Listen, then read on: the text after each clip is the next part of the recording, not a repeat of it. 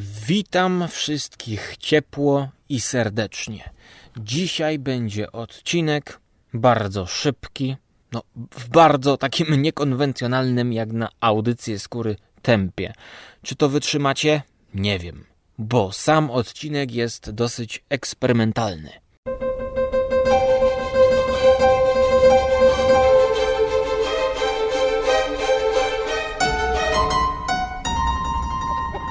Kulturalna. Audycja skóry.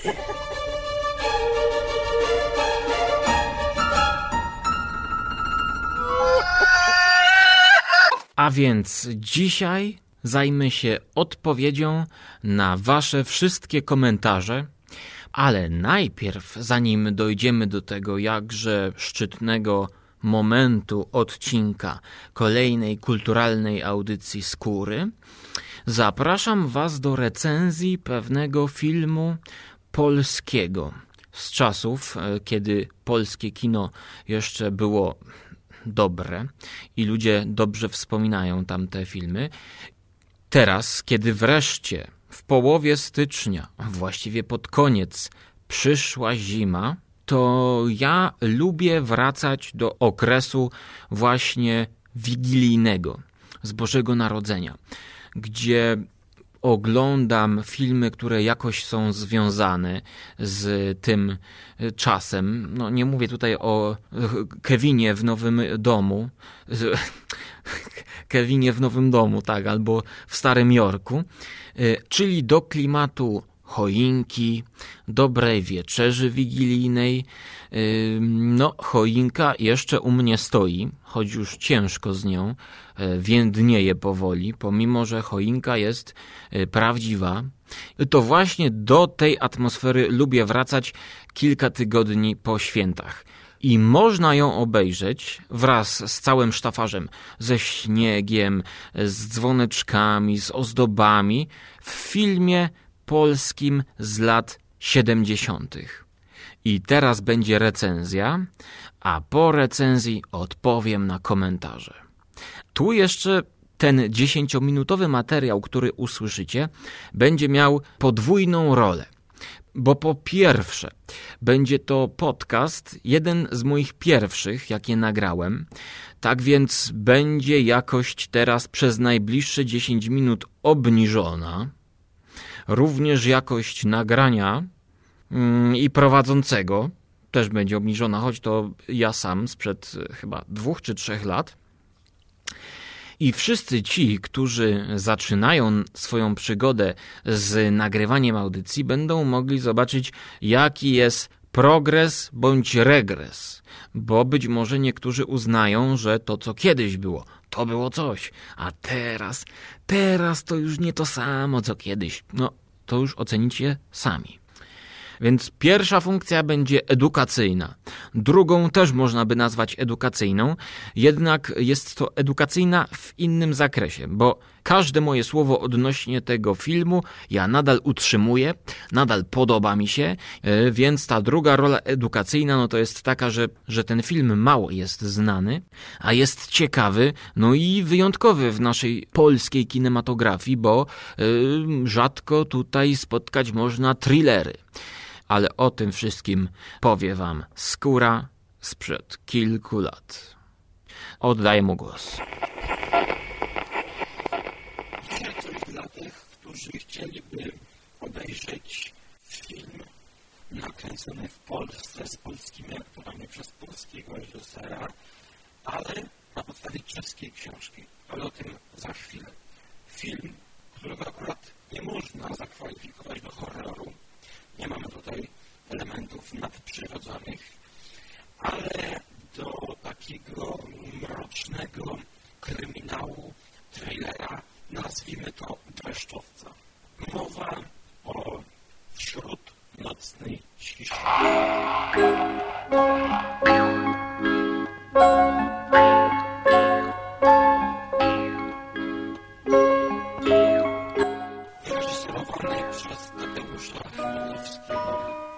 najbardziej znanego chyba z komedii Wielkie Poniedziałku,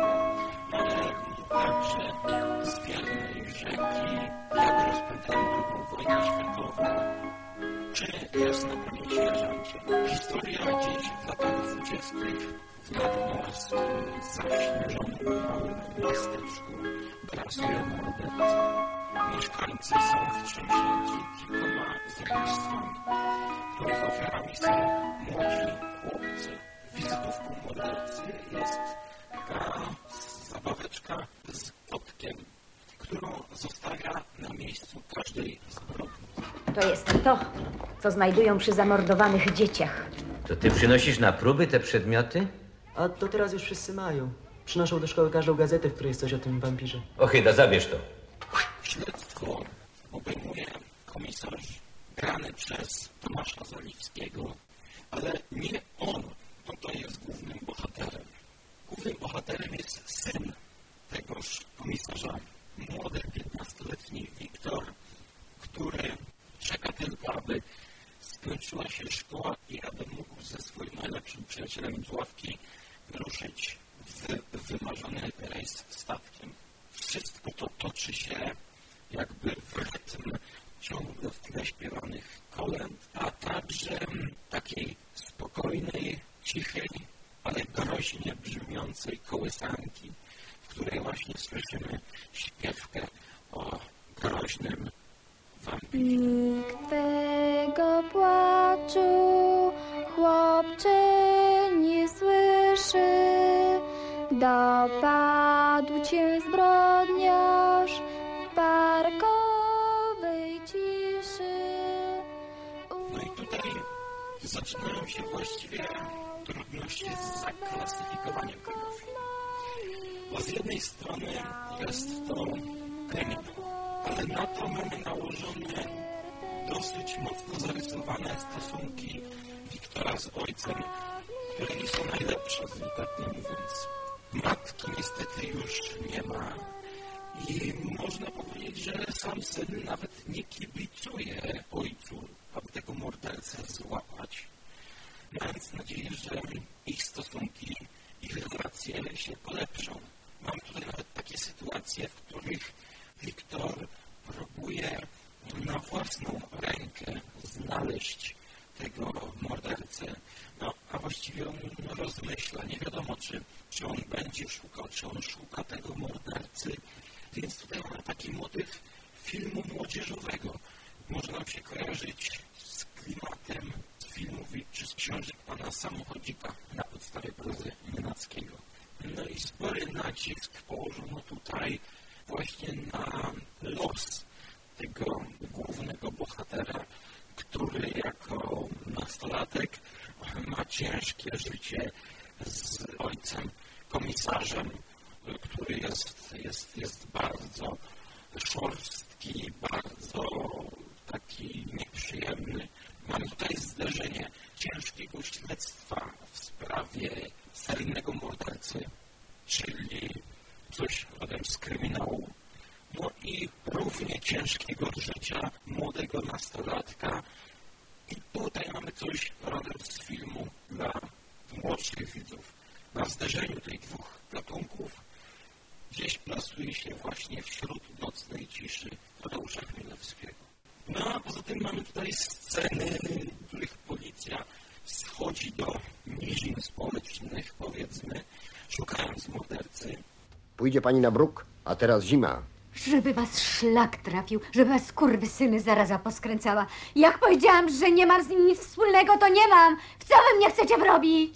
Pani się sama wrobiła. Tak więc jest to film no, raczej dla dojrzałego widza, ale jeżeli byśmy zaklasyfikowali to dzieło do filmów młodzieżowych, no to niewątpliwie będzie to wersja filmu młodzieżowego dla dorosłych. Wręczę słowem honoru, że morderca będzie ścigany z całą bezwzględnością i energią, na jaką nas stać. I że będzie doprowadzony do szubienicy. Osobiście dokonam jego aresztowania. Bez względu na osobę mordercy? Bez względu na urodzenie i stanowisko mordercy. I dlaczego polecam oglądać ten film w czasie świąt? No po świętach także można powspominać. No oczywiście, jak mówi tytuł, rzecz dzieje się oczywiście w okresie świątecznym, więc atmosfera gęstnieje jeszcze bardziej, ponieważ no, wszyscy mówią o mordercy, nawet przy stole wigilijnym. No, a robi się jeszcze mroczniej, ponieważ no, można powiedzieć, że 90% występujących postaci jest tutaj podejrzanych. No, może być podejrzana. Reżyser tak nam tutaj to przedstawia, że właściwie no, każdy mógłby mieć jakiś tam motyw, a w dodatku, jeżeli mamy jakąś kolejną poszlakę, to zanim rozpoznamy, do kogo ona może należeć, to kolejna poszlaka rzuca cień nie na jedną postać, tylko od razu na dwie czy trzy postaci naraz. Więc dodatkowo może to gmatwać nam przypuszczenia. I ja bym mógł porównać ten film z 1978 roku no, do dzisiejszych produkcji popularnych szwedzkich filmów, no powiedzmy filmów opartych na Stingularstwie, czy Walandera, czy na przykład Bezsenności swego czasu zaramejkowanej przez e, Christophera Nolana w świetny sposób. Oprócz komisarza mamy tutaj pomocnika komisarza granego przez znanego Henryka Biste. No i oczywiście podejrzanego od momentu, w którym pojawia się na ekranie, a nawet od momentu, w którym pojawia się na zdjęciu na ekranie w kartotece policyjnej Jerzego Bończaka, który swą aparycją no po prostu od razu nas nastawia, że, że to on będzie mordercą. No i oczywiście film jest na tyle dobrze skonstruowany, że rzeczywiście, no, aż do samego końca nie wiedziałem, kto jest mordercą. No i oczywiście Wam pozostawiam przyjemność, bądź też no, nieprzyjemność wyszukiwania mordercy wśród tych skomplikowanych relacji rodzinnych, czy to na linii przełożone i podwładny, czy wypatrywaniu mordercy na podwórku, no bo tutaj jedna taka scena pokazuje, że nawet człowiek, który, który chce pomóc dziewczynce nieść wodę, no, może zostać potraktowany przez steroryzowanych mieszkańców małego miasteczka za no, niebezpiecznego obywatela. A ty co robisz o tej porze na ulicy? Pompa zamarzła. Trzeba z tamtej kamienicy. A ojciec nie może przynieść? Taty nie ma. Poczekaj, pomogę ci. Nie, nie, dziękuję. No, poczekaj, poczekaj, pomogę ci. No poczekaj, nie, nie uciekaj. Coś pan zrobił dziewczynie? Nic nie zrobiłem, przewróciła się. Dzieci zaczepiasz? Zobaczymy coś za jeden. Oczep się, wariat. Trzymaj! Na policję go! Policja! Na policję! Trzymaj! Złapać! Złapać! Złapać! Ludzie, łapać go! Scenariusz, no to zawdzięcza sporo literackiemu oryginałowi czeskiego prozaika Ladisława Fuksa, na podstawie której to powieści pan Teodor Mundstock z 1963 roku powstał ten film. I rzeczywiście ten film zachęca, żeby sięgnąć do oryginalnej powieści, która podejrzewam może być jeszcze bardziej brutalna niż sam film, który no jednak z racji czasu, w którym powstał, a także zapewne osoby reżysera, jest kierowany no raczej dla szerszej widowni.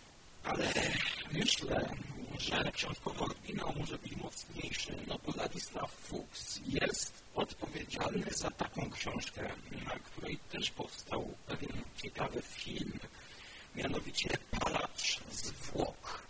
Jest to już klasyfikowane przez IMDb jako horror thriller, ale także komedia. No nie ma się co dziwić. Czesi lubią mieszać komedię z każdym gatunkiem, czy to z filmem erotycznym, z kryminałem, czy z horrorem właśnie. No a w tym filmie i w tej książce mamy historię człowieka, który no właśnie pali zwłoki, kremuje zwłoki. No i ów palacz zwłok, szczęśliwy mąż i ojciec na co dzień, zafascynowany jest Hitlerem i jego teoriami. Powoli przeistacza się psychopatycznego kata, jak podaje Wikipedia. No i ja muszę Was zachęcić do obejrzenia no, jednego z niewielu takich mrocznych polskich kryminałów, który dzieje się podczas świąt. No, po świętach także można sobie obejrzeć i powspominać troszkę makabrycznie. Oczywiście trzeba zaznaczyć, że nie jest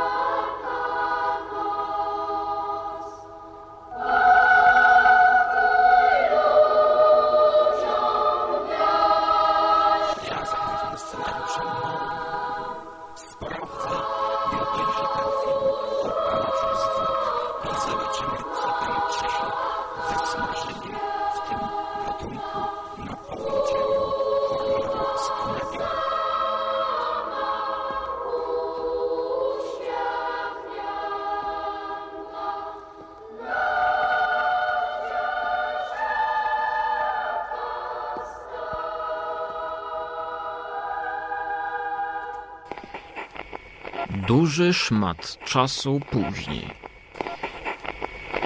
No, witam was, witam was. Tak więc jakość się co nieco zmieniła, ale powiem wam, że dużą robotę robi tutaj jednak sprzęt, na jakim nagrywasz. Jeżeli ktoś nie przetrwał, to ja rozumiem. Jeżeli ktoś przewinął, też rozumiem. A czy zrozumiem wasze komentarze? No to zaraz się okaże. Zaczynamy. Komentarze spod odcinka pierwszego, czyli audycja pilotażowa.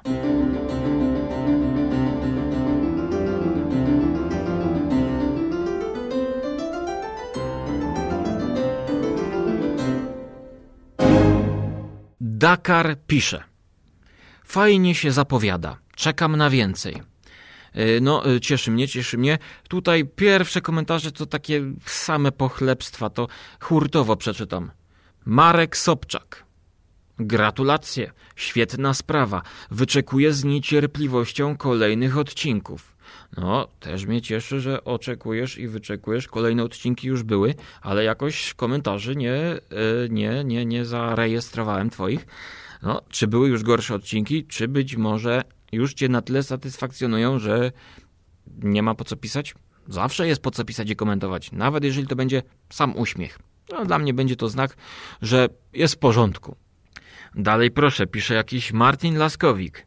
Widzę, że jest poparcie. Mnie też się podoba. Jak następne odcinki będą równie dobre, to wychodzimy z poczekalni. Serdecznie panu dziękuję, serdecznie. Taylor, coś mi taksywka mówi. Jakby ktoś nie wiedział, Skóra to doświadczony nadawacz, który w radio na fali prowadzi audycję muzyczną. I podał link. A cwaniak, cwaniak, wyśledził mnie i chce zaszpanować, że zna mnie gość. Ha, cwaniak, dobra, cwaniak. Słuchajcie, z cwaniakami nie dyskutuję, dlatego następny komentarz czytam. Karol W. Nie wiem, czy to jeszcze ma sens, ale dołączam się do pochwał. I takie dwa kropki i litera P. Ja nie wiem. Jakby facet chciał coś teraz zacytować, a wyszła mu sama litera P. Nawiasem pisząc, wygrzebałem z archiwum podesłanego przez krawca audycję z Pink Floyd. I teraz jest W i trzy literki O i znowu W. Z tym, że jeszcze jest wykrzyknik. Ja to spróbuję przeczytać tak z angielskiego. Wow! Y, Bardzo mnie cieszy, że taki komentarz pozytywny, bo audycja o Pink Floyd, jeżeli ktoś lubi Pink Floyd, no to przypadnie mu do gustu, bo tam są utwory nieoczywiste. Jakieś przeróbki, jakieś ciekawostki, jakieś e, perełki. Polecam dla wszystkich fanów Pink Floyd. A z drugiej strony, jeżeli ktoś nie lubi, to mm, podany link jest, można sobie wejść i poznać jednak e, styl Pink Floyd, no jakby ktoś nawet nie słyszał ich wcześniej, bo jednak utwory w miarę reprezentatywne wybrałem. I jest to audycja godzinna, typowo muzyczna. No, taką audycję chciałbym prowadzić e, na trójce, powiedzmy. E, Tam Minimax, Noc Muzycznych Pejzaży, Mikrokosmos, Trzy Kwadranse Jazzu, e, Wojciech Mann, mm, Anny Gacek nie przepadam, przepraszam, ale audycja, którą nagrywa z Wojciechem Manem jest znakomita, ponieważ jest to coś, co właśnie pokazuje przeciwstawienie się dwóch mm, gustów, czyli Wojciech Mann, człowiek, który zna się na roku, na bluesie, a Anna Gacek no, nie zna się na muzyce, lubi tak zwany Britpop, powiedziałbym, współczesną muzykę rockową, alternatywą, indie rockową, czyli indie od independent, czyli jakąś niezależną. I oni się kłócą. No i pomimo, że nie wszystkie propozycje podobają mi się, czasami nawet też Wojciecha Mana, e, to właśnie w konflikcie pojawia się e, nowa jakość, że oni rozmawiają sobie o tych utworach, a słuchacz może wynieść coś dla siebie. Ostatni komentarz z, aud- spod audycji pilotażowej. Michał, ciekawe, tak trzymać. No, ciekawe Michał, czy napiszesz jeszcze jakieś komentarze? A tymczasem przechodzimy do drugiego odcinka.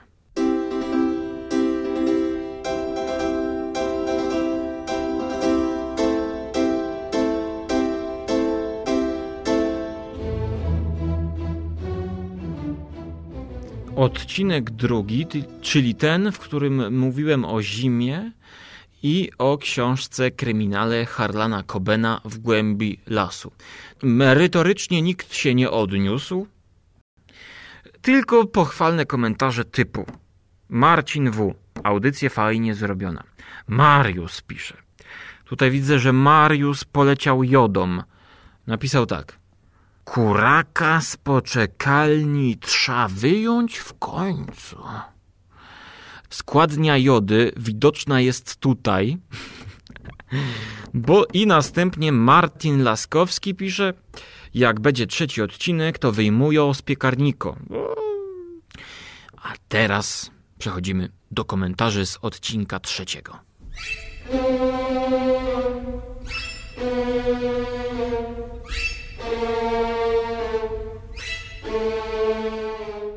Trzeci odcinek, czyli ten, w którym mówiłem o Lovecraftie, a także o tym, co spotkało mnie w kwiaciarni. I tutaj już rzeczywiście widać, że jest merytoryczna dyskusja. Bo Martin Lachowski pisze: Ja chcę tylko powiedzieć, że ta zażynana kura na początku jest straszna. Y, Może pozostawię to bez komentarza. Pisze Magbury. Nawet, nawet. Czekam na następny odcinek. Na co odpowiada mu WTF? To już trzeci odcinek jest 003, czyli będzie 999. Na co Martin Lachoński pisze tak. Stawiam, że to będzie 666 odcinków. Na co kolega poprzedni ripostuje mu. Albo buffer overflow. No i ja powiem wam nawet, że sprawdziłem w Wikipedii, co to jest buffer overflow. I powiem wam, że nie ma sensu, żebym to tłumaczył, bo to jest nie na tą audycję. Jak ktoś słucha takiej audycji Geek Cloud, to tam yy, pewnie odpowiedź znajdzie. Stefan pisze. Mandat, mandat, mandat? A WTF znowu mu mówi. E, haha, wygooglane. Jakaś babcia się piekli na śnieg. To stąd jest. No rzeczywiście, łopatowanie zrobiło pewną karierę. Mik pisze, że Straż Miejska wlepiła babci mandat za nieodśnieżanie jej własnej ziemi przed domem. Też byś chyba się zdenerwował. No i tutaj właśnie Mik porusza e, bardzo ciekawy problem, mm, jakby to powiedzieć, moralny. Czy właściciel mieszkania, y, właściwie domu jednorodzinnego, powinien sprzątać przed tym domem? Czy powinien odkurzać na przykład chodnik, po którym chodzą ludzie? Ta pani wyjaśniała, że oni zawsze chodzili po takim śniegu, że tam u nich nie ma turystów, że, że to nie ma sensu odśnieżać, bo potem, jak przejedzie ta taka, mm, jakby to nazwać, rozgarniarka śniegu, czyli taka machina, która odrzuca śnieg na bok, no to ona, ta pani, łopatuje ten śnieg na środek ulicy, a ta kosiarka, czy jak to zwać, ona łopatuje taką mega wielką szuflą na bok ten śnieg. No i tak w koło Macieja syzyfowa praca trwa bez końca. No i kobieta się ma prawo wkurzyć. No rzeczywiście, no, no to jakiś absurd, jakiś absurd, który mam nadzieję rozwiąże pani nowa minister. Czekam, czekam, czekam. Ostatni komentarz pod tą audycją Hal Breg pisze. Fajna audycja, też lubię Lovecrafta. Jak czytałem po raz pierwszy, jeszcze w podstawówce, zbiór Zew Cthulhu, to tak mi na psychę siadło, że potem nie mogłem usnąć.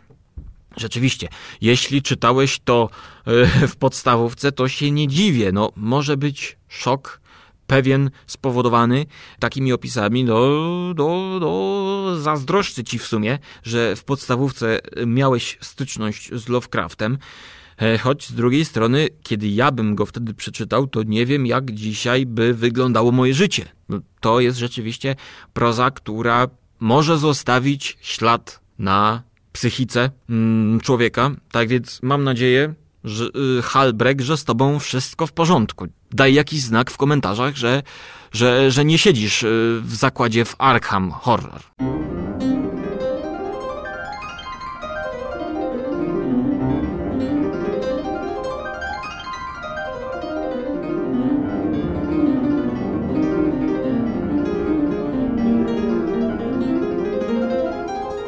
Przechodzimy do odcinka numer 4, czyli tego, w którym mówiłem o europejskim reżyserze Ingmarze Bergmanie.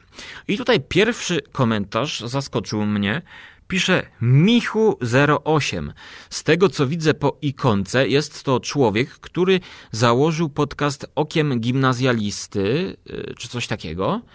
I napisał tak: Bardzo fajna audycja, plus dla ciebie. No, to jest komentarz niby taki, niby nigdy nic. Tak, no, zwykły taki komentarz. Ale człowiek w takim wieku y, zainteresował się Bergmanem, no, czymś wydawać by się mogło bardzo nudnym. Mam nadzieję, że, że weźmie ten film Fany i Aleksander i go obejrzy. Jeszcze zima można sięgnąć. Tak mi trochę pochlebił, no bo kogoś y, w gimnazjum udało mi się zainteresować Bergmanem, no to cieszy mnie. Mam nadzieję, że jeśli film obejrzysz, to że ci się spodoba i sprawi ci jakąś frajdę. Następny komentarz, no słuchajcie, no merytoryczny, merytoryczny. Pisze Mac K, K, albo Mat C, C. Od Bergmana widziałem już prawie wszystko. Mistrz kina, ale jednak wolę Angelopolusa. Tara czy Tarkowskiego. Pozdrawiam. Szanowni Państwo, nie przypuszczałbym, że ludzie, którzy znają, oglądają takie kino, będą słuchać kulturalnej audycji skóry. Tarkowski znany z filmów takich jak Stalker czy Solaris. Ekranizacja Stanisława Lema czy ekranizacja Braci Strugackich. Bardzo dobry film Stalker, a oprócz tego jeszcze no, zrobił ekranizację Hemingwaya krótkometrażową The Killers, klasyk kina rosyjskiego. Angelopoulos, no to jest yy, grecki reżyser. Też właściwie widać, że słuchacz jakiś hardkorowiec się tra trafił. I chodzi o greckiego reżysera, który zrobił taką e, epopeję trzygodzinną czy czterogodzinną o takich wędrowcach. Jeszcze tego filmu nie oglądałem. Jest na mojej liście do obejrzenia, ale kurczę, no takie kino ludzie oglądają, którzy słuchają mojej audycji, no to jest kurczę komplement. Bo teraz przechodzę do, do tego trzeciego nazwiska, które wymienił ten komentujący, czyli Belatar. Człowiek, który obejrzał wszystko od Bergmana, no to nie dziwię się, że jak już Bergman mu się przejadł, to musiał sięgnąć po reżysera Belatar. To jest facet z Węgier. Słuchajcie, w ostatnim jego filmie pod tytułem Koń Trojański jest pięciominutowa scena obierania ziemniaka. W dodatku kamera nie rusza się na moment, na, na milimetr się nie rusza. Potem jest sześciominutowa scena, scena jedzenia tego ziemniaka. Potem jest dziesięciominutowa scena kładzenia się do łóżka. W ogóle cały film jest dwugodzinną sceną y, spaceru z koniem i całego dnia y, jakiegoś gospodarstwa wiejsko-rolnego, które jest z czasów chyba XVII czy XVIII wieku i tam zaczynają się dziać jakieś dziwne rzeczy. W tle jest podłożona muzyka, złowieszcza, tragiczna, nie ma w ogóle dialogów, taki nawet zaliczany do postapokalipsy jest ten film. No tak, bo to jest taka już apokalipsa pokazana na ekranie. Pokazuje świat gdzieś na uboczu, wiejskie gospodarstwo, które rozwala się. Bo na przykład lampa nie chce się zapalić. I to jest, i to jest przez krytyków określane jako właśnie, że to apokalipsa w takiej skali mikro jest pokazana. Kino dla odważnych. I cieszy mnie, że tacy widzowie kina dla odważnych są. O następny Katz pisze, naprawdę fajnie słucha się tej audycji, tak trzymać. No to tak trzymamy. I lecimy do następnego odcinka i komentarzy spod owego programu. W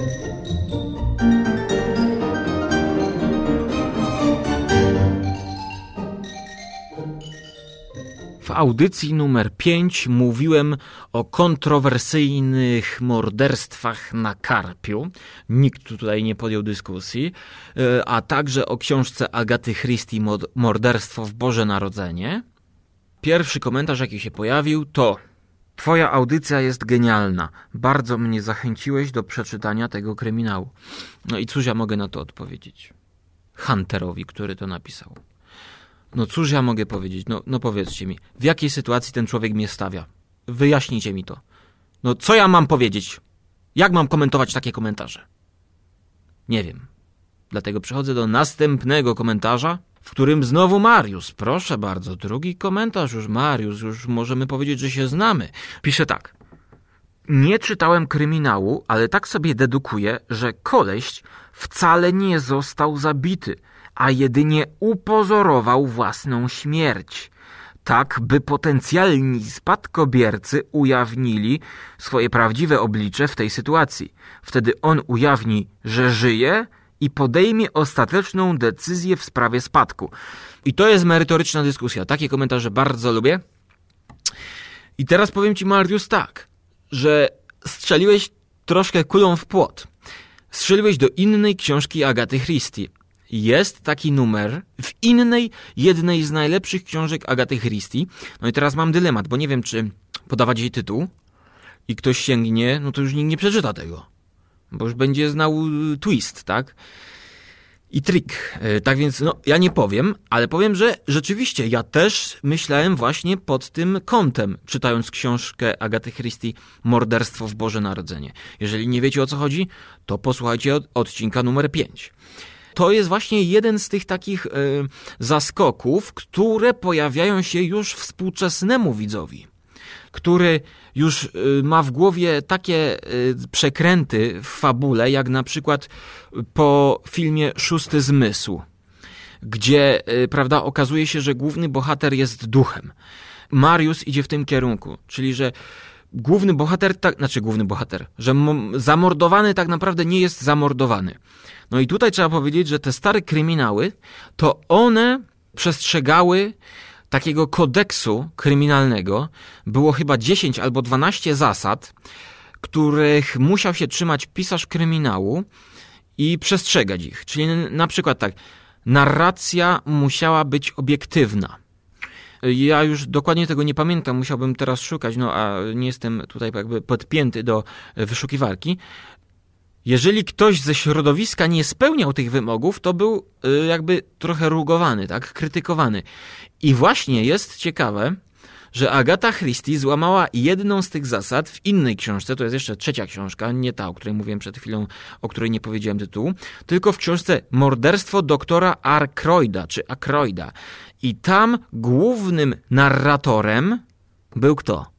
No tutaj też znowu wam nie zdradzę, ale tam jest taki manewr, to, ta książka jest z lat 60. bodajże, czy z 50., nie pamiętam, że no, ludziom, którzy wtedy to czytali, to wykręciło głowę po prostu szok. To bar bardzo aktualny twist został tam zastosowany jako jeden z pierwszych razów w historii kryminałów.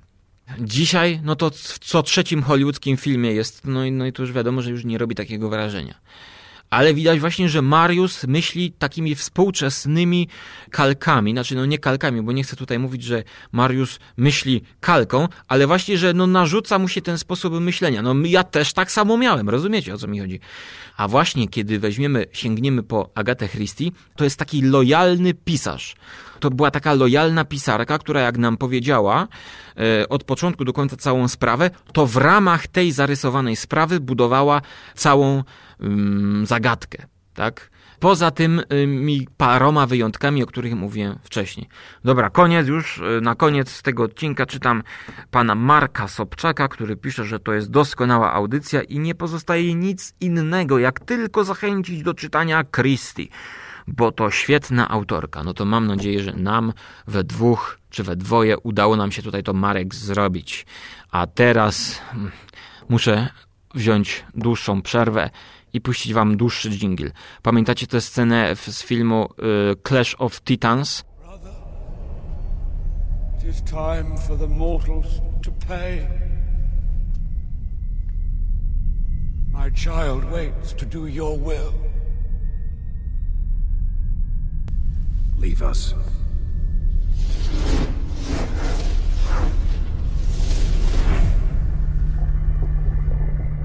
Release the Kraken!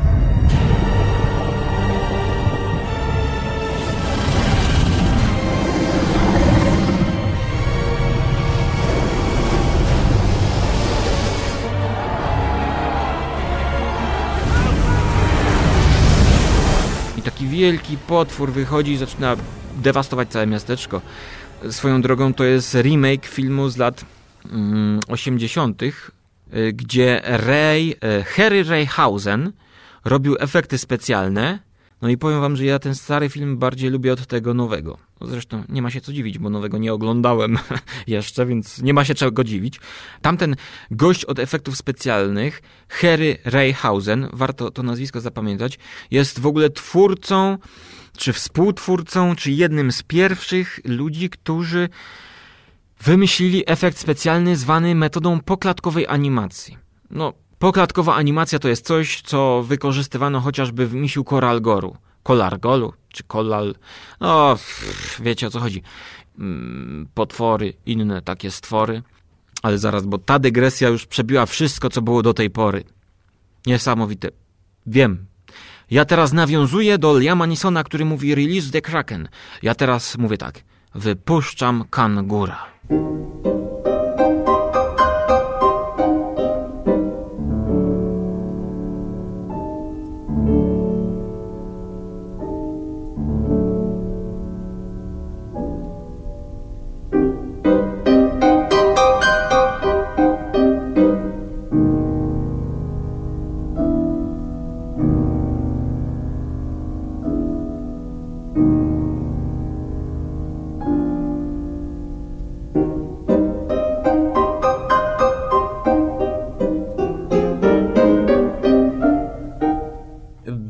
Kangur skomponowany przez francuskiego kompozytora Camilla Sesson.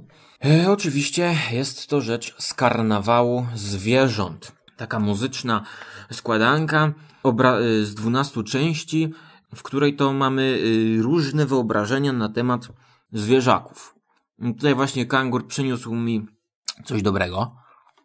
Mm, takiego obwa- obważanka bawarskiego. Obważanek mm, no, opiekany. Cena około złotówka do dwóch złotych. Polecam. Dziękuję kangurze. Dziękuję. I wszystkie poprzednie jingle oddzielające komentarze od poszczególnych odcinków właśnie były cytatami z różnych zwierząt z karnawału zwierząt. Więc przechodzimy do odcinka numer 6.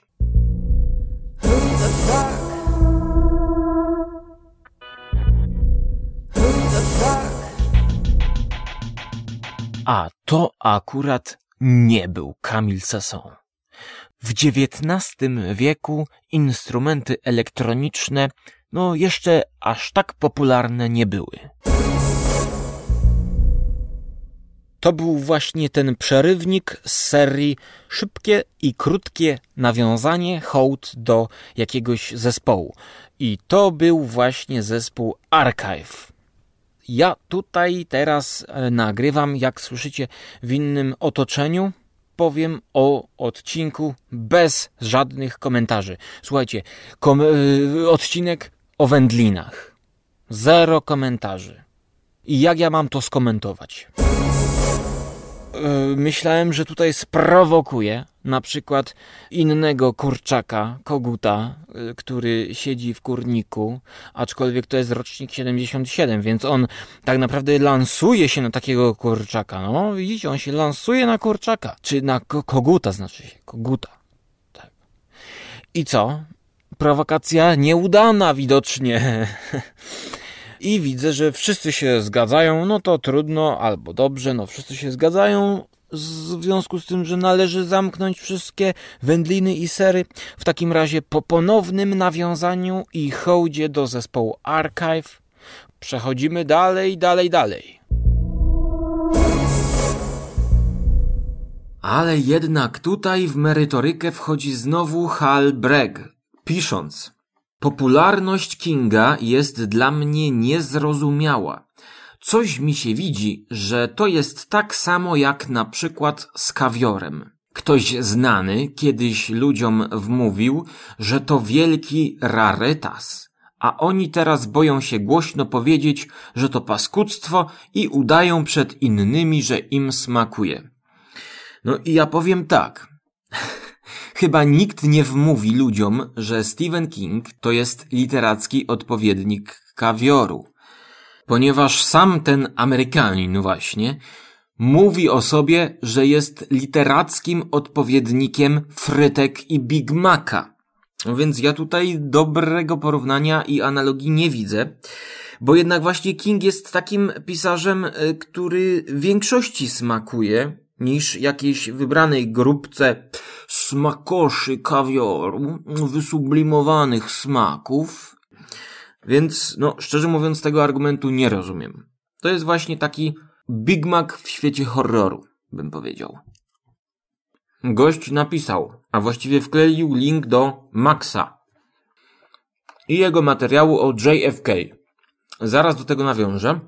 Ale jeszcze powiem, że Martin Laskowisowski napisał Zachęciło mnie do czytania. Cieszy mnie to, cieszy, bo właśnie taki był zamysł audycji dyskusji o jednej z książek Kinga, czyli Dallas 63. Ja właśnie czasami lubię zjeść Big Maca. No, może niekoniecznie Big Maca, ale zjeść w McDonaldzie coś. Raz na pół roku powiedzmy. Kinga czytam może trochę częściej i bardziej go lubię niż e, McDonalda produkty.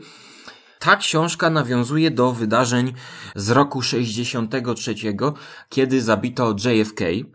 A natomiast początek i koniec audycji jest rzeczywiście takim, taką parodią tego, co zrobił Mariusz Max Kolonko w swojej audycji o JFK.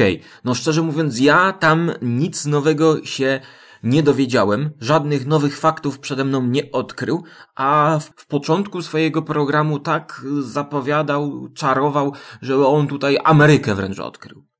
I na koniec komentarzy tego odcinka pisze Tom. Skóra, rozwaliłeś system tą audycją. Padłem. No mam nadzieję, że już się podniosłeś po odwołaniu jedynej sensownej audycji, innego mało sensownie dbającego o własne interesy nadającego. Jestem absolutnie pewien, że jesteś drugim sensownym nadającym, zaś trzeci siedzi na drążku w kuminku, w kurniku, a w kurniku to ja już wiem, który.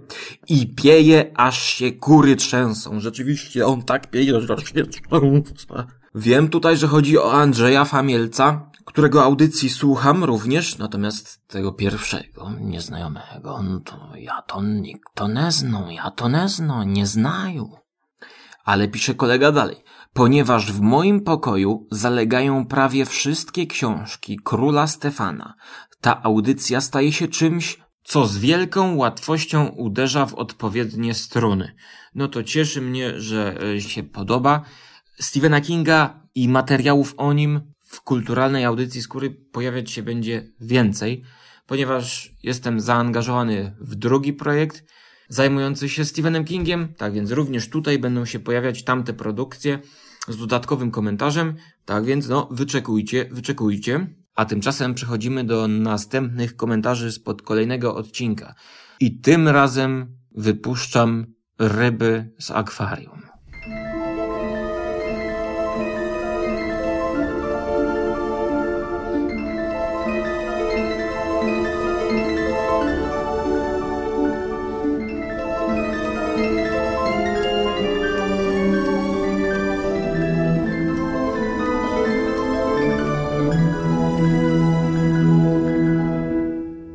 Czyli odcinek ktokolwiek widział, ktokolwiek słyszał. Dokładnie tak, jak skomentował Sknerus V, tak właściwie to jest takie słuchowisko. Świetnie wyszło. Dokładnie tak, to było takie słuchowisko, mm, które wspólnie z Hubertem Spandowskim przygotowaliśmy z okazji zeszłych świąt. Połączyliśmy właściwie dwa takie segmenty, czyli słuchowisko w słuchowisku. Główny bohater, Hubert, jedzie sobie na wieczerzę wigilijną, no i zepsuł im się samochód. Jego żona wyszła za, załatwić coś, nie wiem czemu żonę puścił, żeby załatwiała mu coś, a on sobie siedzi w samochodzie i nagrywa audycję o Stephenie Kingu. Nagrywa i akurat w radio, w radio w samochodzie puszcza sobie muzyczkę i słyszy tam kogo? Audycję skóry właśnie, w której to audycji jest czytana taki audiobook, czy takie mini słuchowisko, książka właśnie na podstawie Stephena Kinga. No właściwie no, książka to przesada, bo jest to jakieś 5-8 minut na podstawie krótkiego opowiadania Stephena Kinga, które napisał kiedy jeszcze był młodzieńcem, powiedzmy. I widzę, że odcinek, pomimo że mało komentarzy, to jednak się spodobał, bo napisał Duckar, szacunek. Naprawdę świetny odcinek. Dziękuję za komentarze. I przechodzimy do komentarzy spod kolejnego odcinka pod tytułem Inside Jokes.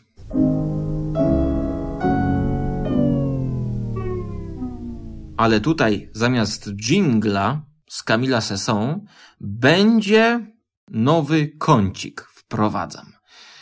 Mianowicie kącik pod tytułem Bez komentarza.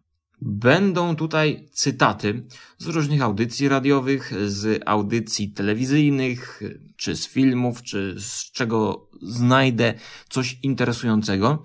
Będą to cytaty wyjęte, wybrane przeze mnie, ale będą bez komentarza. I teraz nie będzie publicystycznie, bo mam ciekawy cytat z polskiego filmu z lat 70. Nikt tego prawie nie zna. Nawet, nawet ja tego nie znam. Pochodzi to z serialu pod tytułem SOS. No i co tu dużo powiedzieć? No, bez komentarza.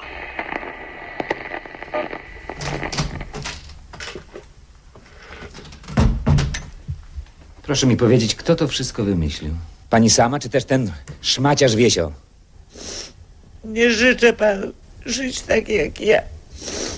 Jestem bezużytecznym gratem. Każdy przedstawia mnie tam, gdzie chce. Wystarczy, że mi obieca porcję alkoholu na wieczór. Ale na odchodnym dam panu jedną radę. Niech pan przejrzy walizki swojej żony, z którymi jeździł na zagranicę. A zresztą to pańska rzecz. Czy zapłaci pan za jarzębiak? Zapłacę. No to od razu niech pan zapłaci za drugi. Mam przed sobą ciężką noc. Pana to nie czeka, bo pan nigdy nie będzie samotną starą kobietą. Pani Gizelo, myślę, że na dzisiaj wystarczy, co?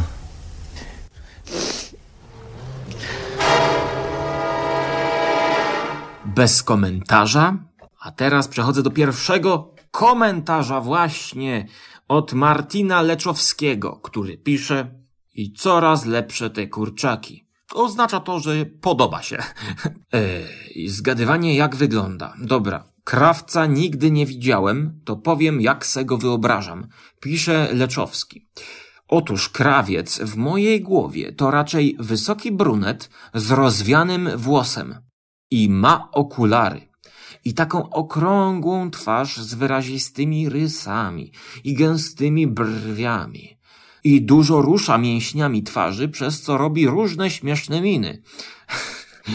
Ale on nie wie, że są śmieszne. Po prostu naturalnie tak robi.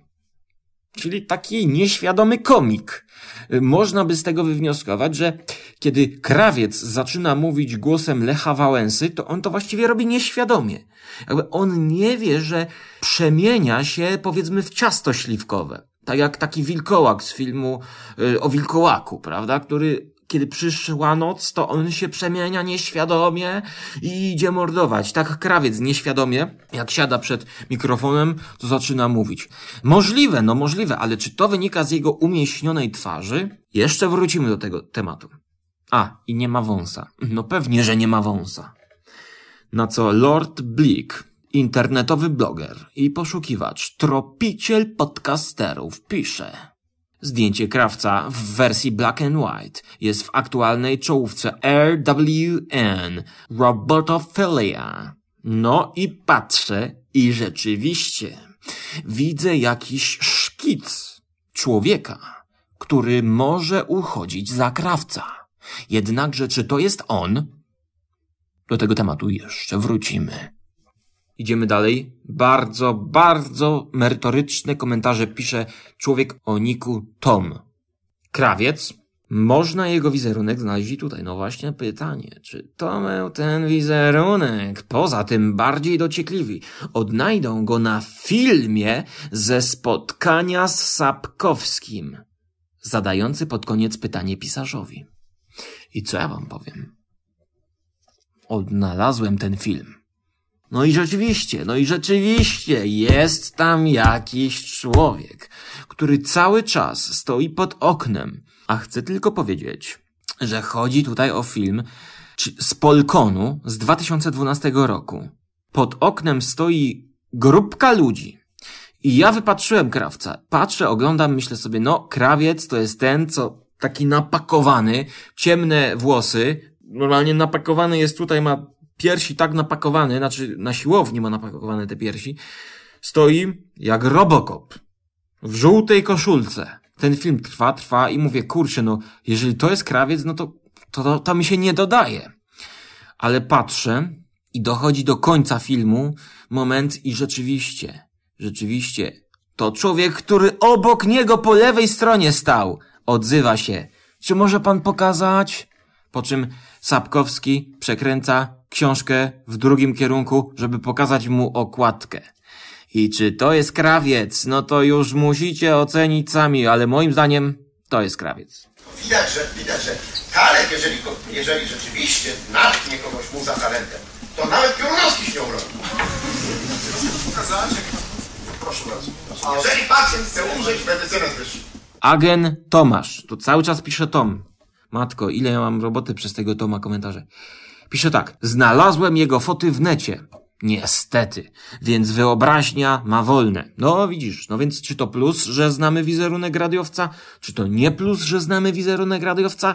No to na ten temat wypowiedziała się Dorota, która napisała Video Killed the Radio Star, czyli tytuł piosenki znanego popowego zespołu.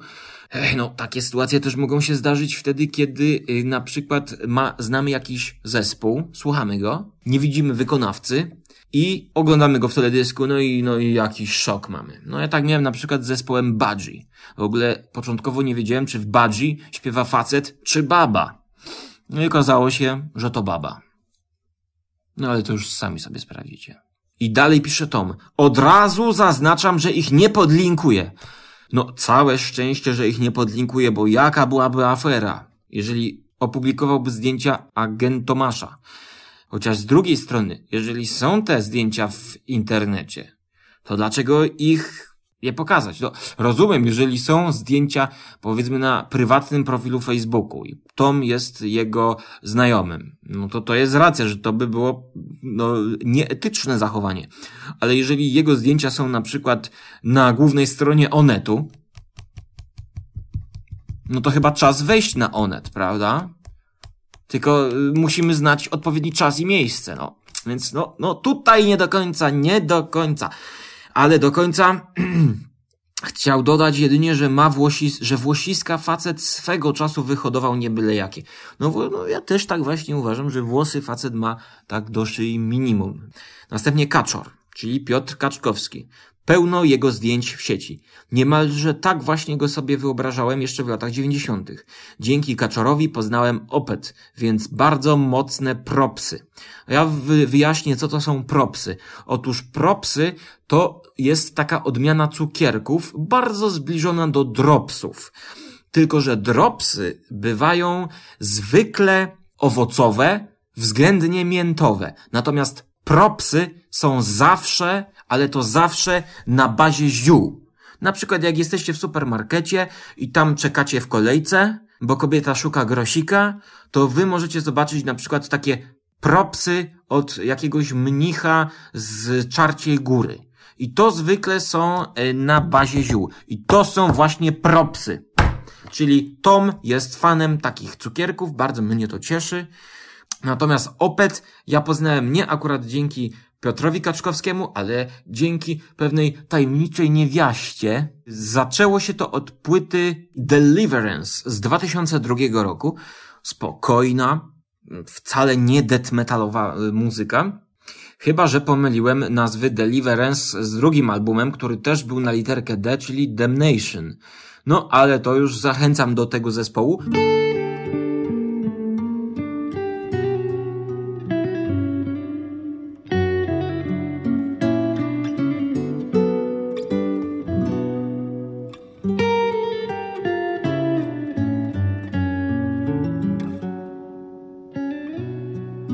Więc to był Opet, a jeszcze dalej pisze Tom. Ja cię kręcę, ale chłop się rozpisał.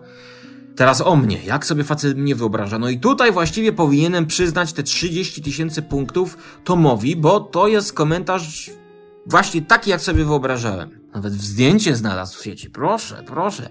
Wyciekło jedno unikalne zdjęcie, na którym widzimy skórę uciekającego przed psychofanami króla Stefana, bo ów uciekinier ośmielił się mieć swoje zdanie. Oczywiście miano biznesmena niekoniecznie oddaje prawdziwy status, choć konsekwentnie wysiaduje znakomite audycje.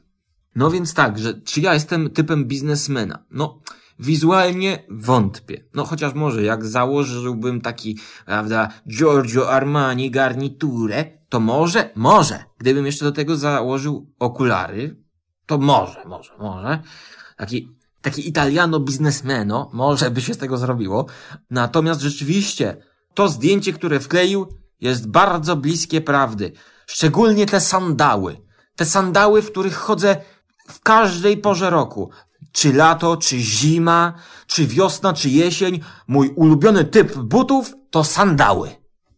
Tak więc Tom za ten kompleksowy yy, yy, komentarz poczwórny dostaje ode mnie, zaokrąglam sumę obiecanych punktów, dostaje 100 tysięcy punktów. To jest taki komentarz. Natomiast ten Marcin Lechowik yy, dostaje, on opisał tylko krawca, no ja mówiłem, no opiszcie jak wygląda skóra dostaje, no też mu dam, dam mu 30 tysięcy punktów mm, Martinowi. Yy, natomiast dalej, proszę Państwa, kogo ja tu widzę? Agent Tomek, czyli Tomasz Agencki, który napisał tak. Ja sobie skórę, słuchajcie, skórę, skórę. Skóry to jest audycja skóry, taki rosołek parzymy, prawda? Natomiast jako, że kiedy Z jest przed zgłoską wybuchową, czy jak to ona się tam nazywa, mm, taką ostrą, zapomniałem, to ona się ubezdźwięcznia i jest s, czyli jest skóra, pomimo, że jest napisane z kura, czyli to jest audycja z kury, tak naprawdę, że bierzemy tą kurę, prawda, i robimy z niej audycję, a tak naprawdę prowadzi skóra. E, ja sobie skórę, e, już mniejsza z tym, Tomasz pisze tak, ja sobie skórę wyobrażam jak tego chłopaczka z filmu. We Are the Millers co ugryzła go tala, tarantura, taran, tarantinu. Zaraz, moment, przybliżę swoje oczy do monitora, bo coś tu mi nie gra. Napisał tak. Tarantinula. Tarantinula? Specjalnie obejrzałem, no, filmu nie oglądałem, ale w sumie można by go obejrzeć. Ale na trailerze jest ta scena.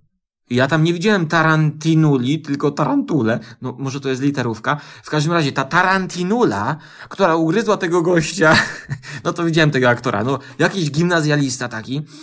Ale kiedy wszedłem na profil aktora tego aktora, na profil aktora tego aktora, na IMDB, no to facet ma zdjęcie, kurcze, naprawdę świetne. I wygląda, no, że nawet Kurde, facet dobrze wygląda. I do tego filmu jest zrobiony na takiego e, piegowatego gimnazjalistę, takiego, mm, takiego ledwo co prawda, takie chuchro, ledwo co stoi na nogach, co wskazuje, że jest to chyba dobry aktor, no bo tak wcielić się w rolę, że przekonał mnie, że tak jest naprawdę. Pytanie, czy to był e, komplement, czy to była szpila odnośnie mojego wizerunku? Ocencie sami. Ocencie sami oglądając przynajmniej trailer tej komedii z Jennifer Aniston przy okazji.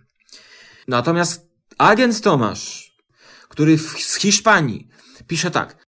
Opis sagradyczno-familistyczny nie mógł być bliższy prawdzie. Gratulacje. Dziękuję za gratulacje. Mam nadzieję, że wszyscy fani agenta Tomasza będą czytać ten komentarz i wreszcie zostawią jego audycję i przejdą do mojej, bo o to tak naprawdę chodziło.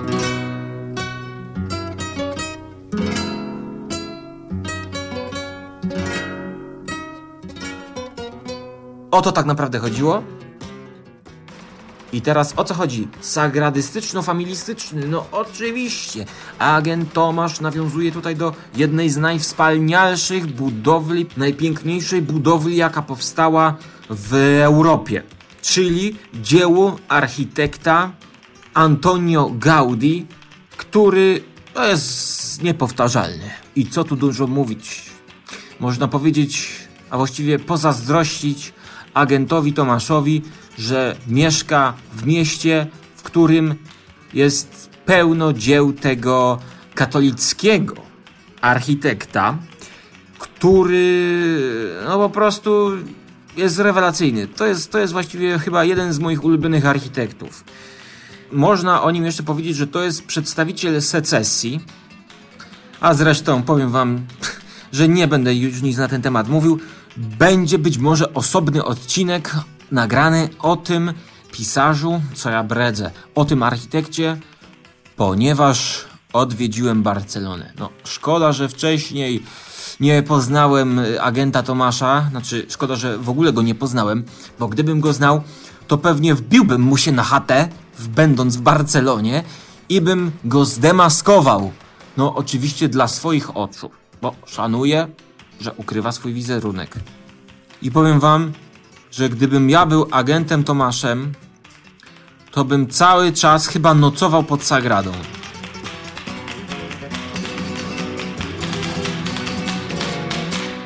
Bym przebrał się za takiego menela i bym tam rozstawił swój obóz. Tak, no, no, że cały dzień to, to znaczy, że, że cały czas to przesadziłem. Tak na tydzień powiedzmy. No i przez tydzień można się napatrzeć z zewnątrz, powiedzmy tak, przeanalizować, bo tam jest tyle detali, tam jest tyle do oglądania w jednym budynku, że to jest szok. To jest właściwie bazylika bazylik. No to jest wzorzec takich kościołów. No każdy inny kościół, słuchajcie, no już nawet nie mówiąc o mariackim, mógłby, no nawet, nawet nie mógłby myć butów Sagradzie. Mógłby, posłuchajcie, co by mógł robić. Mógłby prać sznurówki Sagradzie Familii.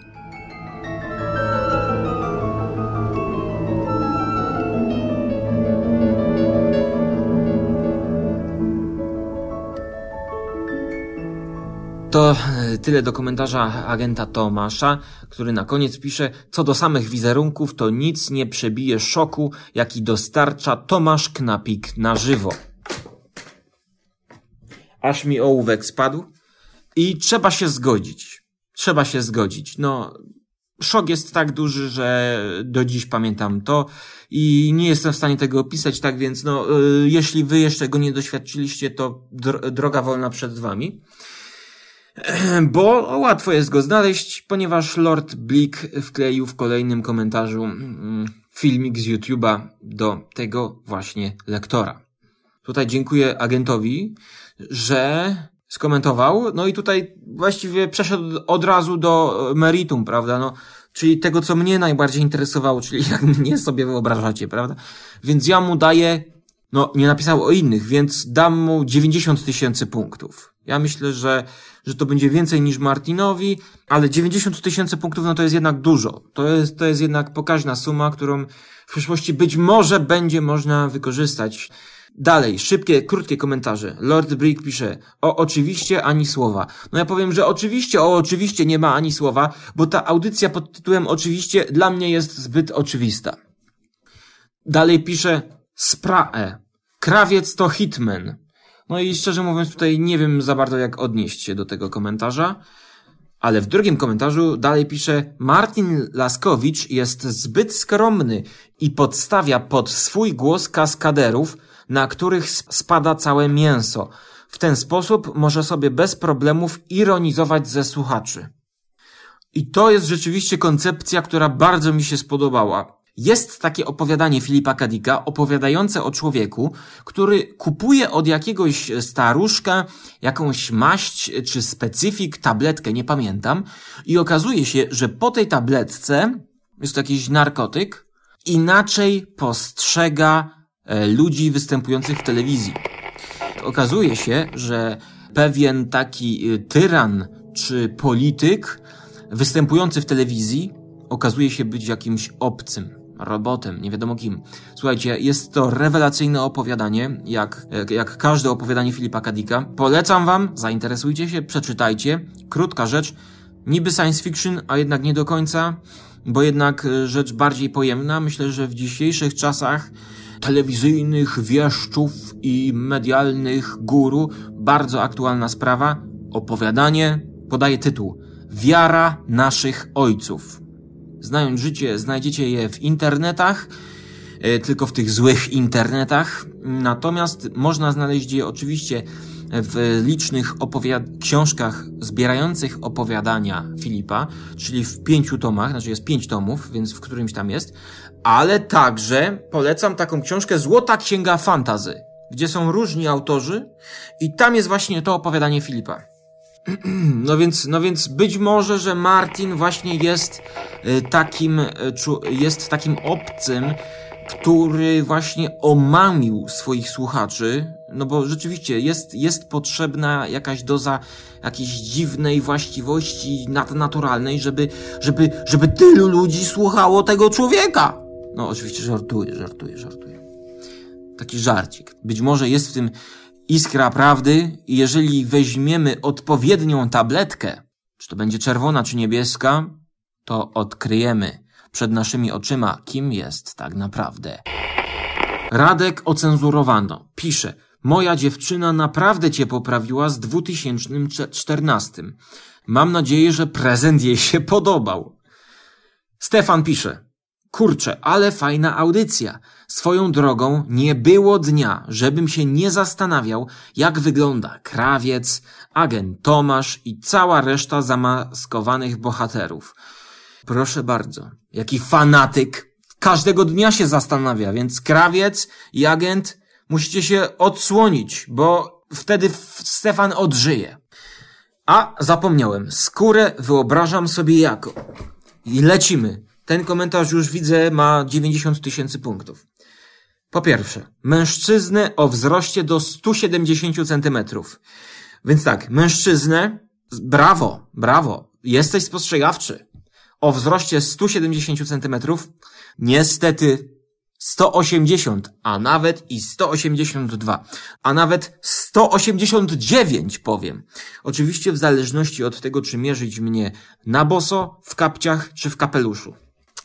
Drugi punkt, Stefan pisze zarośniętego, to znaczy brodatego. No i tu niestety jest problem, ponieważ teraz mam tygodniową brodę i posłuchajcie jej. Słyszycie ją? Ledwo co ją słychać. A więc tu mam problemy, tu mam problemy i niestety zazdroszczę agentowi Tomaszowi. No ja już widzę, jak on pociera tą brodę. No niestety, no niestety, no niestety. A minusem dodatkowym było to, że w moim liceum były ludzie, którzy lecieli na... By, ludzie, dziewczy, dziewczyn, dziewczyny, które leciały na ludzi z brodą. No i niestety na mnie nie leciały.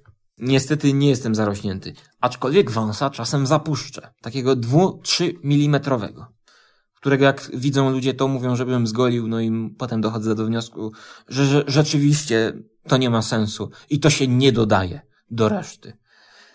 Człowieka, który stąpa po świecie więcej niż 40 lat. Tutaj niestety minus 38 tysięcy punktów, bo mniej niż 40 lat. Czwarty punkt. Szczupłego, bo dość żywo mówi. No, dziękuję za komplement, jednak moja tusza wynosiła pół roku temu, nawet ponad pół roku temu, 99 kilogramów. A dzisiaj wynosi 85 kilogramów, proszę Państwa. I zmierza ku dołowi. Więc być może z czasem audycji będę przyspieszał. Więc a, no, no, mnie się to nie podoba, bo jednak Ja już czuję, że tutaj jest e, za, za szybka narracja, ale, ale słuchajcie, no bardzo mi się śpieszy i bardzo szybko chcę szybko skomentować, więc lecę dalej. Mieszkańca terenów podmiejskich, to znaczy takiego, co lubi sobie wypoczo- wypocząć, na, wypocząć na działeczce. Oj, zgadza się, lubię sobie wypocząć, wypo... Pff, coś mam problemy z tym słowem. Wypocząć na działeczce przy grillu i piwie. No otóż tutaj jest ciekawa kwestia podjęta, która zmusza mnie do kolejnej dygresji, którą powinienem uciąć, ale nie utnę, a właściwie utnę. I o piwie będzie osobna audycja, kiedy indziej, tak więc zapraszam i wyjaśni się mój stosunek do tego trunku. I przy grillu, no oczywiście, tak, przy grillu, no słuchajcie, uwielbiam grillować, ale czy, co lubię? No powiem tak kiełbaski, ale no nie lubię takich kiełbas grubych, tylko takie chude kiełbasy lubię. Frankfuterki, powiedzmy, takie kiełbaski grillowe, chudziutkie. Oprócz tego warzywa w folii lubię.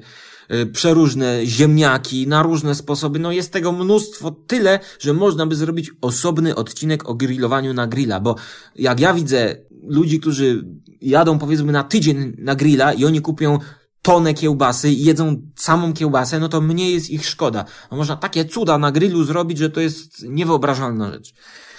Oraz jako człowieka pogodnego, co jak się go spotka na żywo, to miło będzie się z nim rozmawiało. No ktoś tu miód leje na moje serce, ale niestety mam złą wiadomość ponieważ nie jestem człowiekiem pogodnym. Nie jestem człowiekiem, którego jak spotka się na żywo, to miło będzie się z nim rozmawiało. Ponieważ jak spotka się mnie na żywo, to jestem człowiekiem niemiłym, bucowatym, kapryśnym, brzydkim, względnie ohydnym, chamskim, niewychowanym, szowinistą. Y, w ogóle nie otwieram drzwi przed nikim nawet przed sobą nie otwieram drzwi. Ja po prostu przechodzę, rozwalam szybę, wchodzę i mnie nic ani nikt nie obchodzi. Bo niestety taka jest prawda. Więc zanim zagadasz do mnie na ulicy, jeśli poznałbyś mnie po głosie, na przykład kiedy wchodzę do kiosku i mówię e, poproszę gazetę wyborczą, no raczej po tym byś mnie nie poznał, ale na przykład mówi tak, poproszę paczkę mentolowych papierosów, no, raczej po tym też byś mnie nie poznał, bo nie palę. Ale po tym, popro... No, dobra, skończmy to.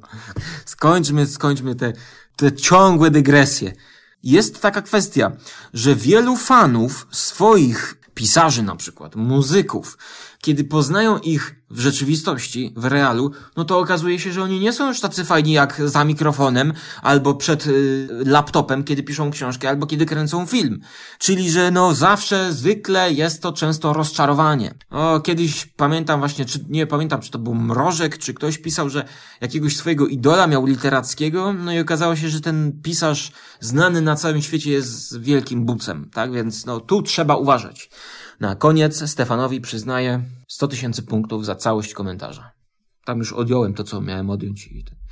I na koniec Mac pisze. Agent jest wysoki, chudy i ciemny, a skóra łysawy i średniego wzrostu. No średniego wzrostu już tutaj wy, wy, mm, wyjaśniłem. Natomiast łysawy, no łysawy nie jestem do końca, aczkolwiek włosy mi się troszkę przerzedziły, co jest smutne, jakby nie patrzeć. Reszta się pokazała. Skoro się reszta pokazała, no to pokaż mi, gdzie ten agent Tomasz się pokazał, no. Bo ja go nie widziałem. Ale może poczekam. Może się sam rzeczywiście pokaże już na tym YouTubie. Więc to na tyle w dzisiejszej audycji. Dajcie znać, czy takie coś ma sens, czy nie ma sensu. Od waszych komentarzy będzie zależeć, czy takie odcinki co jakiś czas będą miały sens się pojawić.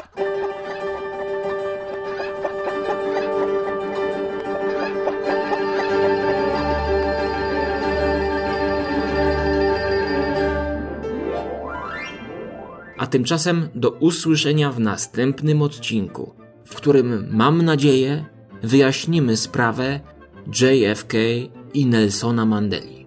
Trzymajcie się ciepło.